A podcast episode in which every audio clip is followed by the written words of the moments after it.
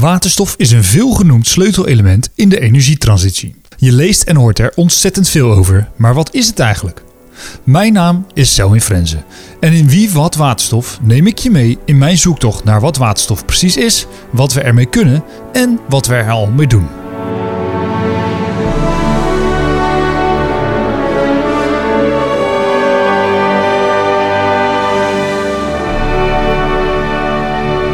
Voordat we beginnen is het handig om te weten wat waterstof is en wat we ermee kunnen. Ik ging op bezoek bij hoogleraar Ad van Wijk, die dit haarfijn uitlegt. Uh, ja, waterstof is het kleinste en het lichtste element. Het komt niet vrij voor uh, op aarde, maar in, de, in het heelal is het 75% van uh, alle gewicht wat er is. Um, en dus je moet het maken. Net zoals eigenlijk elektriciteit. En dan is waterstof een energiedrager. Mm -hmm. Net zoals elektriciteit het ook. Maar je kunt het ook gebruiken, waterstof, als een grondstof om allerlei chemische producten of uh, brandstoffen uh, te maken. Nou, waterstof op zich kun je natuurlijk maken van de koolwaterstoffen. Dat zijn de fossiele energiebronnen. Ja. Dat zijn altijd verbindingen van koolstof en waterstof. Je kan het ook maken van biomassa. Dat zijn koolwaterstof-zuurstofverbindingen, om het maar zo te zeggen. Mm -hmm. Maar je kunt het maken uit water. En uh, dat is H2O, dat is een verbinding van water, stof en zuurstof. En als je daar energie in stopt, dat kan elektriciteit zijn, maar ook bijvoorbeeld warmte, mm -hmm. dan kun je dat uh, molecuul splitsen in uh, waterstof en ja. zuurstof. Waar kan het precies voor gebruikt gaan worden? Ja, waterstof is, zoals ik al zei, een grondstof. Dus je kunt het gebruiken zoals we dat nu ook al doen om uh, bijvoorbeeld ammoniak te maken. Dat is, uh, en dat is het hoofdbestanddeel van uh, kunstmest. Mm -hmm. Ammoniak, dan haal je stikstof uit de lucht. Uh, en dat bind je dan aan het waterstof en dan heb je NH3 ammoniak. Stikstof ja. eigenlijk om uh, te bemesten. Mm -hmm. uh, je kunt er methanol van maken, allerlei andere producten die je in de chemie nodig hebt. Maar je gebruikt het ook nu al in raffinaderijen om de, te ontzwavelen. Dat is eigenlijk de traditionele functie hè, als grondstof. Mm -hmm. En dan maak je die waterstof uit aardgas. Dat is nu de, de bekende manier om dat te doen via stoommethaanomvorming. Um, maar dat waterstof kun je net zoals aardgas ook gebruiken als een energiedrager. Ja. Dus je kunt er gewoon in een ketel uh, warmte mee maken. Dat kan bij je thuis hè, voor verwarming. Maar het zou ook uh, in de industrie kunnen om hoge temperatuur warmte te maken. Bijvoorbeeld, bijvoorbeeld voor uh, stenen bakken hè, of brood bakken. Dat ja. zijn de, de, de zaken. Waterstof moeten we dus produceren. Maar hoe doen we dat? Om antwoord te krijgen op die vraag ging ik op bezoek bij Nobian, waar al enige tijd waterstof wordt geproduceerd als bijproduct van de chloorproductie. Hoe dit in zijn werk gaat, laat vicepresident Marcel Gallier aan me zien. Nou, we zijn aangekomen in de cellenzaal. En uh, hier staan een heleboel electrolyzers voor me. hoe werkt dat nou precies? Nou, je ziet hier inderdaad hier in deze cellenzaal 32 electrolyzers. En hier komt dus het verzadigde pekel, hè, dus het zout uh, opgelost in water, komt hier uh, een electrolyzer in. En daar wordt het gesplitst in chloor, natronloog en waterstof. Dus je ziet eigenlijk dat hè, het, het pekel, de natriumchloride, dat is het zout en het water, de H2O, gesplitst wordt in CO2, het chloor, de natronloog, de NaOH en de waterstof, de H2. En dat is wat je hier ziet. Ja, het is wel tof hoor, want je hebt dus aan de zijkant van de electrolyzers zie je dus buisjes. En daar zie je ook echt de chloor en de waterstof doorheen lopen. Het lijkt natuurlijk gewoon voor ons, voor mij als leek op, uh, op water. Het is gewoon doorzichtig. Je kan dus gewoon waterstof zien, waterstofgas. Het Solarboot-team van de TU Delft werkt veel samen met hoogleraar Ad van Wijk. Naast hun solarboot hebben ze namelijk ook een hydrogenboot, een vliegende waterstofboot. Tijdens hun allereerste testdag mocht ik bij ze op bezoek. Nou, we zijn hier vandaag dus te gast bij het Solarboot team, die nu dus ook een waterstofboot hebben. Super tof, ze zijn er nu heel druk mee bezig om te installeren. We hebben zojuist te horen gekregen dat hij dan straks uh, wordt gehesen op de stijgers. En daarna wordt hij gehesen in het water. En gaan ze de eerste meters maken. Het is een uh, drukte van je welste. Er wordt een hoop geklust. Er zitten jongens achter de computer heel druk uh, de cijfers uit te lezen. En nou, ik ben erg benieuwd hoe hard het eigenlijk allemaal gaat. We zijn hier met Gerben van het Solarboot team. Uh, dus jullie gaan vandaag testen met de waterstofboot. Um, wat gaan jullie precies testen vandaag? Vandaag uh, hopen we de eerste meters te kunnen maken met onze waterstofboot. Uh, we hebben maandenlang gewerkt aan eigenlijk het ontwerp en het bouwen van de boot. en vandaag heeft hij voor de eerste keer het water. dus gaan we eerst wat kleine testen runnen of alles werkt zoals we dat verwachten. en dan hopen we ook de eerste meters te kunnen gaan varen. Je hoorde Ad van Wijk eerder al even zeggen dat waterstof gebruikt kan worden om te verwarmen. En daar bijvoorbeeld steen of brood mee te bakken. In Gorinchem doen ze dit al. EMF Bakery Systems heeft namelijk een bakkerijoven ontwikkeld die werkt op waterstof. Ja, we hebben hier een uh, direct gestookte oven.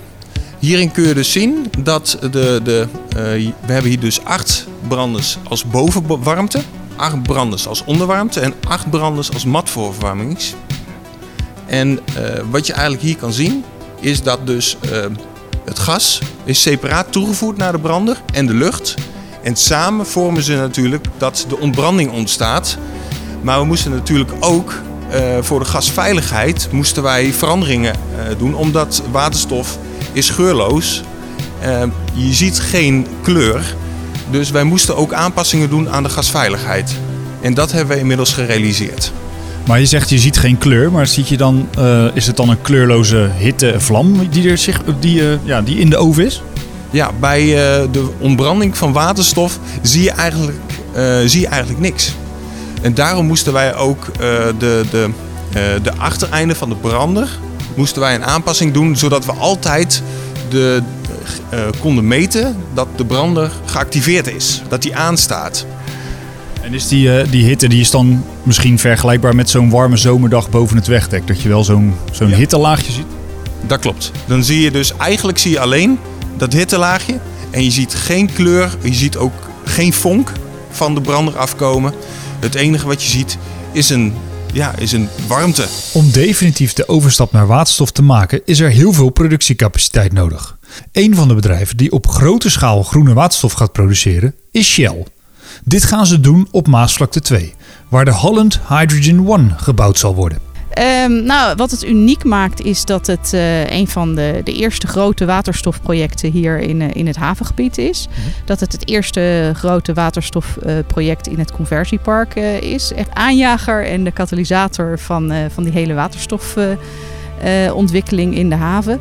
Maar dat het dus ook twintig keer groter is dan wat, uh, wat Shell ooit, ooit gebouwd heeft in, in waterstof. We kijken nu naar een enorme zandvlakte die, nou ja, we hoorden net al, zes voetbalvelden groot is. Mm -hmm. Waar komt de fabriek ongeveer te staan straks? Ik denk dat we hier ongeveer bij het einde staan. Hier zullen we nou, twee derde van de fabriek staan. Ja. Nou, die gaat dan, je ziet hem dan van je afbuigen. We staan, uh, hier komt hij het dichtst bij de weg, dus dat is 20, 30 meter van de weg af. Ja. En vanaf waar wij nu staan, zal dus een landschap dat wat heuvelachtiger zal worden en groener dan wat we nu zien. Mm -hmm. Met ook waterpoeltjes erin en allemaal dat soort dingen. Ja. En daarachter zie je dan een meer zilverkleurige, uh, uh, nou ja, gedijende wand die daar wegbuigt en aan de andere kant wegbuigt. En daar zie je dan ook die houten toren richting de rotonde. Ja. Zie je die houten toren, nou, die was een dikke 40 meter hoog. Ja. Die zie je dan als icoon daarop. Vanaf de plek waar de Holland Hydrogen One zal komen te staan, zie je nu heel goed de kolencentrale van Uniper. Deze kolencentrale zal voor 2030 ontmanteld worden en niet meer in gebruik zijn. Uniper zal daarvoor al de overstap maken naar groene waterstofproductie. Fred Hagen van Uniper laat mij zien waar die groene waterstoffabriek zal komen te staan. Vanaf een wel hele bijzondere plek. Bovenop de 121 meter hoge kolencentrale midden op de Maasvlakte. We lopen nu naar boven. We zien holy moly. Je kan vanaf hier dus 120,5 meter hoogte. En we kijken nu over de hele Maasvlakte heen. Er staat nauwelijks wind, dat valt me wel op. Ja, wat, uh, wat zien we hier allemaal voor ons? Ik zie daar uh, volgens mij het energienet waar het net over had, waar jullie elektriciteit binnen. Het substation van, uh, van Tennet, waar de windelektriciteit aanlandt op dat station hier. En wat dan geleverd kan worden aan de, aan de verschillende electrolyzerprojecten. op het conversiepark en natuurlijk aan Unipe. Een van de vele zaken die we kunnen met waterstof is het als brandstof gebruiken. In de auto dus. Toyota werkt al sinds de jaren 90 aan de ontwikkeling van waterstofauto's. En ik mocht een rondrit maken in de nieuwste. We staan nu buiten bij, uh, bij de auto. En het, is, uh, nou ja, het eerste wat opvalt is dat het echt een hele dikke bak is. En één ding waar we het eigenlijk nog niet over hebben gehad, maar wat, wat, wel, wat ik wel zou willen weten. Ehm, ik denk dat veel mensen denken bij waterstof en een auto... is dat niet misschien een beetje gevaarlijk? Nou, het interessante is dat waterstof wordt al decennia lang toegepast in de industrie. Uh, en uh, bij Toyota zijn we er al uh, sinds halverwege jaren 90 mee bezig om het natuurlijk ook heel veilig te maken. De tanks die erin zitten, die zijn gemaakt van carbon fiber en van metaal. Die zijn echt enorm dik. En die kun je niet doorboren, kun je niet verwringen. dus dat betekent ook bij een aanrijding dat ook die tanks gewoon ten eerste natuurlijk op een plaats blijven zitten, maar ook niet zullen vervormen. Uh, dus ja, is het veilig? Ja, het is veilig, absoluut. Nou, we zitten er nu in. Het is, uh, de meeste auto's van tegenwoordig zien er al futuristisch uit, maar dit is uh, 2.0 ongeveer. Um, dan denk ik dat het tijd is om op weg te gaan. Nou, zeker. Veel plezier. Zoals je kunt horen heb ik in seizoen 1 van Wie Wat Waterstof al ontzettend veel geleerd over waterstof. Maar er is natuurlijk nog veel meer dat ik te weten wil komen. Er komen een hoop berichten naar buiten over het importeren van waterstof. Hoe werkt dat dan precies? En wie gaan er naar Shell nog meer waterstof produceren in de Rotterdamse haven? Je hoort het allemaal in seizoen 2 van Wie Wat Waterstof. Dat binnenkort te beluisteren zal zijn via alle platformen waar podcasts te vinden zijn. Abonneer je dus nu op de serie, luister naar seizoen 1 en mis niets van seizoen 2.